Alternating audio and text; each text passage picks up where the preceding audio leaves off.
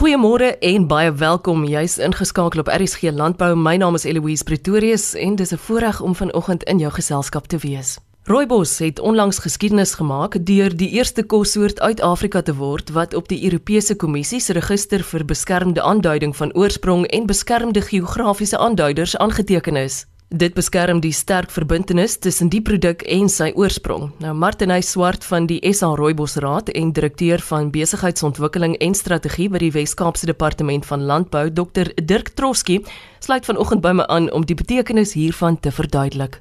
Ek dink uit die staanspoor en uit hoofde daarvan om dit dalk vir mense lekker verstaanbaar te maak. Daar is 'n paar Suid-Afrikaanse wynvoorbeelde wat 'n mens dalk kan help om hierdie storie te skets en om presies te verstaan wat nou gebeur met rooibos.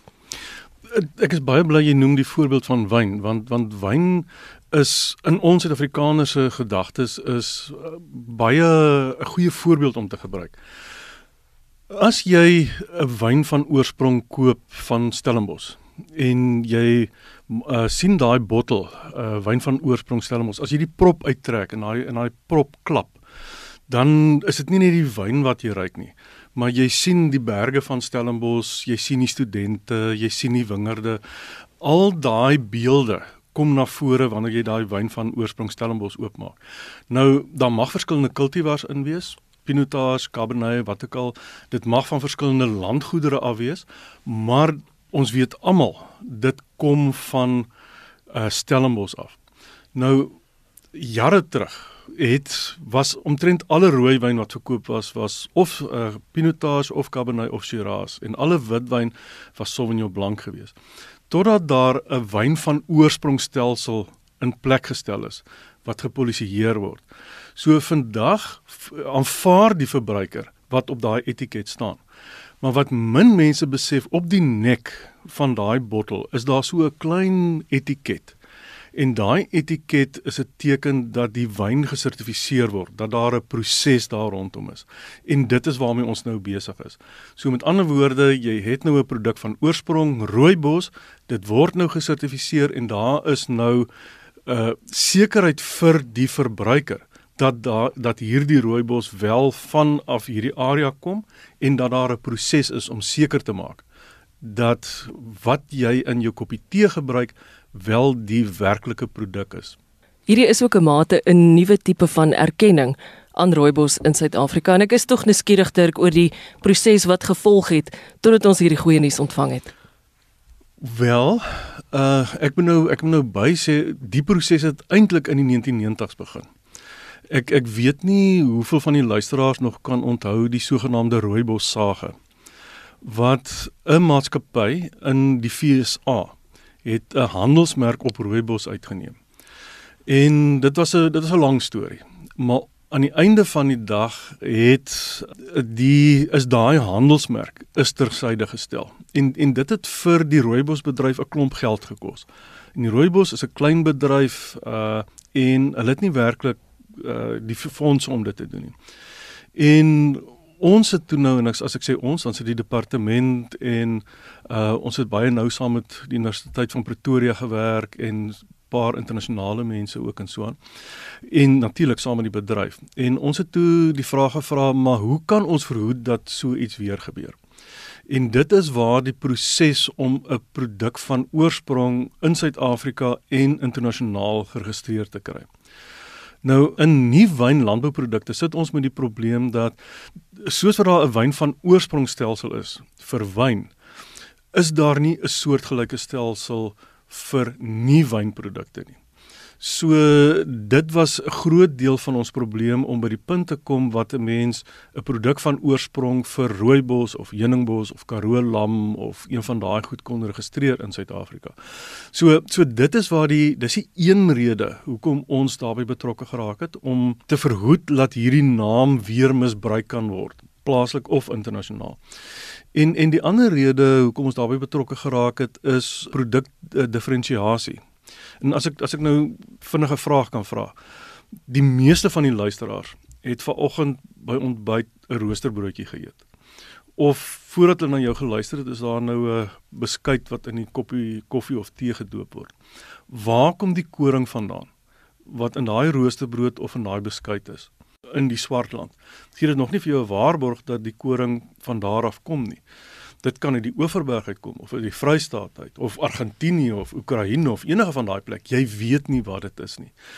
So die ander rede hoekom mense kyk na so 'n produk van oorsprong is om te sertifiseer dat hierdie produk wat ek nou hier gebruik kom werklik van 'n spesifieke area af. Met ander woorde, as 'n mens 'n produk van oorsprong koring uit die Swartland uit gehad het, dan sou daar 'n proses moes gewees het wat dan sê maar hierdie hierdie koring wat in hierdie broodjie is en hierdie roosterbroodjie kom werklik uit die Swartland uit. Want ons almal weet uh, boere in die Swartland eet graag grouwe brood. So dit is om daai skakel in plek te bring. En dit is baie insiggewend ook, jy weet, om op hierdie onderwerp te fokus en te besef dat produkte van oorsprong baie wyer is. Dit loop soveel wyer as as rooibos en dan nou van die voorbe voorbeelde wat jy ook dan nou genoem het, Dirk. Martin Hy Swart bestuur die sekretariaat van die Suid-Afrikaanse Rooibosraad. Welkom op RSG Landbou. Dankie Louise, is baie goed om vanoggend hier by julle te wees. Afgesien van die groter bemarkingsgeleenthede vir ons produsente, wat is die ander voordele? Wat is die ander wat is die ander voordele? Ek dink dit is ek wil baie graag aansluit by Dirk. Rooibos is so 'n spesiale produk en dit, dit is eintlik 'n Suid-Afrikaanse erfenisproduk en ons ons verwys gereeld na hom so. En dit was belangrik om op grond van die Amerikaanse saak wat daar was, daar was ook 'n Franse maatskappy wat 'n kans probeer vat het met 'n registrasie op 'n handelsmerk vir rooibos. Het ons besluit om het ons besluit om daarop te gaan. So ek dink die gerusheid dat wanneer jy 'n koppie rooibos tee drink of dit in Suid-Afrika is en of dit of dit oor see is, dat daar wel die rooibos in jou kop is, dat daai rooibos gegroei is in die in die Cederberg area en dat hy ook daar verwerk is. So ek dink dit is dit is definitief die voordeel. Die ander voordeel van die die uh, erkenning vir ons is dat ons wil graag nie stop by die Europese Unie nie want die voorbeeld wat ek nou genoem het van die Verenigde State saak, so op die oomblik hoe die erkenning geregistreer is, het ons slegs beskerming in die Europese Unie. So ek dink dit is belangrik om belangrik om te besef. Die kentekentjie word baie goed erken en ehm um, die voordeel vir ons is ook nou as jy daar is definitief 'n pryspremie op die produk. En ons het gesien ek het dit met Dirk ook gedeel en dit was absoluut ongelooflik die die belangstelling in die eerste week nadat die aankondiging gemaak is van van Europese kopers. Dis regtig asof ons het van tevore hele rooibos gekoop. Dit dit was 'n goeie produk. Ons het belang gestel, maar wag, wat gaan nou hier aan? Ekstra belangstelling, regtig is iets waaroor ons kan praat. Dit is net dit is ehm um, ek dink dit het regtig net die produk geneem tot op 'n plek eintlik waar hy moet wees en dit begin ook vir die oorseese mark te kommunikeer wat ons al lankal in Suid-Afrika weet hoe spesiaal hy is. So om terug te kom na die ander voordele vir ons is ehm um, Suid-Afrika en Dirk kan miskien later inspring of jy kan miskien ons inmeng. Is daar is daar is 'n internasionale uh, internasionale ooreenkoms genaamd die Lisbon ooreenkoms. En die Lisbon ooreenkoms stel lande wat dit onderteken het in staat om ook 'n geografiese aanwysing op 'n internasionale vlak te registreer.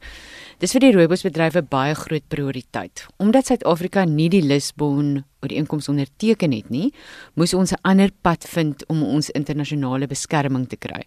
En die eerste logiese stap vir ons was definitief om deur die deur die Europese Unie se proses te gaan. Dit kan ook vir jou meer hieroor vertel, maar rooibos was van tevore reeds beskerm onder die Europese Vennootskap ooreenkoms. En dit is ingesluit saam met Dirk Sekorekus, Heuningbos en Karola.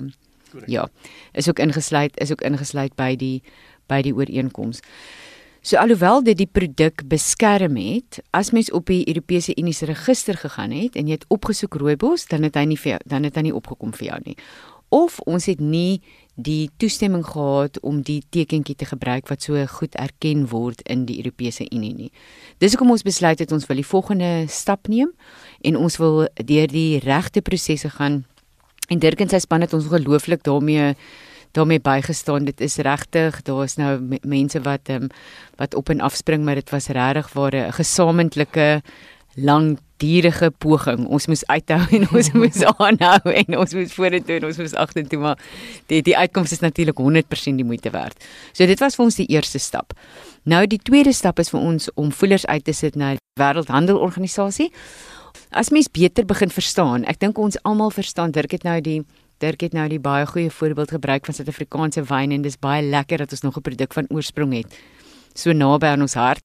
Ek wil dit altyd altyd terugbring na die boere. Is hierdie 'n boodskap wat potensieel vir ander boere ook kan inspireer, ander voornemende boere? Sou jy as iemand, jy weet as 'n landboukundige, dink dat dit potensieel boere se denkwyse gaan verander, hierdie hierdie erkenning? Ek dink ons het so baie unieke produkte in Suid-Afrika wat nie noodwendig wat ons nie self erken nie en in die proses loop ons die risiko om ons eie volksbesit te verloor. En ek kan dit nie anders noem as volksbesit nie. Kom ek uh, ons ons ons kan nou dink aan inheemse produkte, maar ek gaan dit los vir Martiney om daaroor te praat.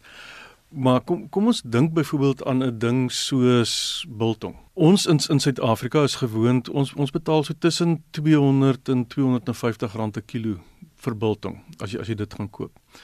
As jy in die VK kom in Engeland kom en dit word nog verkoop as 'n Suid-Afrikaanse produk. So daar's 'n produk wat ons boere in Suid-Afrika ongelooflik waarde kon uitput. Maar ons verloor dit en en dit raak generies.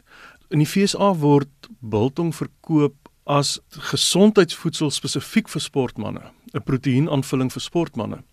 En in in die FSA is daar net een maatskappy wat deur hulle Food and Drug Administration toegelaat word om biltong te vervaardig. En ons verloor markpotensiaal aan die buitekant, ons verloor geleenthede, ons verloor ons volksbesit. Want om nou in die FSA mark in te kom gaan 'n ongelooflike oefening wees. So en en my vraag is, hoeveel ander produkte is daar nie wat ons dink werklik uniek is in Suid-Afrika en wat ons nie vroegtydig ons uniekheid probeer beskerm nie. Ag ek ek wil 'n ander voorbeeld gebruik, Weskus snoek. Ek weet nie hoeveel luisteraars besef nie dat 50% van dit wat ons as snoek koop, kom nie uit Suid-Afrika uit nie. Vergeet van die Weskus. Dit dit is 'n soortgelyke produk wat in Nieu-Seeland vis wat in Nieu-Seeland gevang word en hier by ons as snoek verkoop word. So hoekom hoekom stap ons nie daai ekstra pad om byvoorbeeld 'n produk van oorsprong Weskus snoek te sertifiseer nie. En een van die mees marginale groeperinge in ons samelewing is die vissers langs die Weskus. En ek is seker as ons daai as ons dit so sou sertifiseer, gaan daar voordele na hulle toe deurkom. OK. Daar daar's 'n klomp om om so produkte ontwikkel, is daar 'n klomp aspekte by betrokke in dinamiek en prosesse en een daarvan is natuurlik. Eh, daar moet in uh, daar moet 'n rentmeester wees. In in in hierdie woord rentmeester het die mense van Woopertaal vir my gegee. Want op 'n stadium het ek met hulle gepraat oor rooibos, jy weet, en wat wat sal julle nou die rooibos raad beskou? Nou hulle sê nee, jy weet in hierdie konteks is die rooibos raad het die rentmeesterskap van die naam rooibos. So, een, een van die vrae is dan wie gaan rentmeesterskap aanvaar vir iets soos Weskus snoek of vir mm. Suid-Afrikaanse oesters of enige van daai goed. Mm. Uh, so so dit is dit is 'n baie groot vraag daar daar rondom. So gesels Martiney Swart van die SA Rooibos Raad en direkteur van besigheidsontwikkeling en strategie by die Wes-Kaapse Departement van Landbou, Dr Dirk Troskie. Volgende Vrydag sit ons die gesprek voort oor die belangrikheid van rooibos wat die eerste kossoort uit Afrika is wat op die Europese Kommissie se register vir beskermde aanduiding van oorsprong en beskermde geografiese aanduiders aangeteken is. Deel gerus ook die program met nog iemand na jy dit gevind het op www.elsenburg.com. Onthou môre om kwart voor 12 weer in te skakel vir RSG Landbou. Ek is Eloise Pretorius en ek wens jou 'n voorspoedige Vrydag hier in die geselskap van RSG. Tot môre.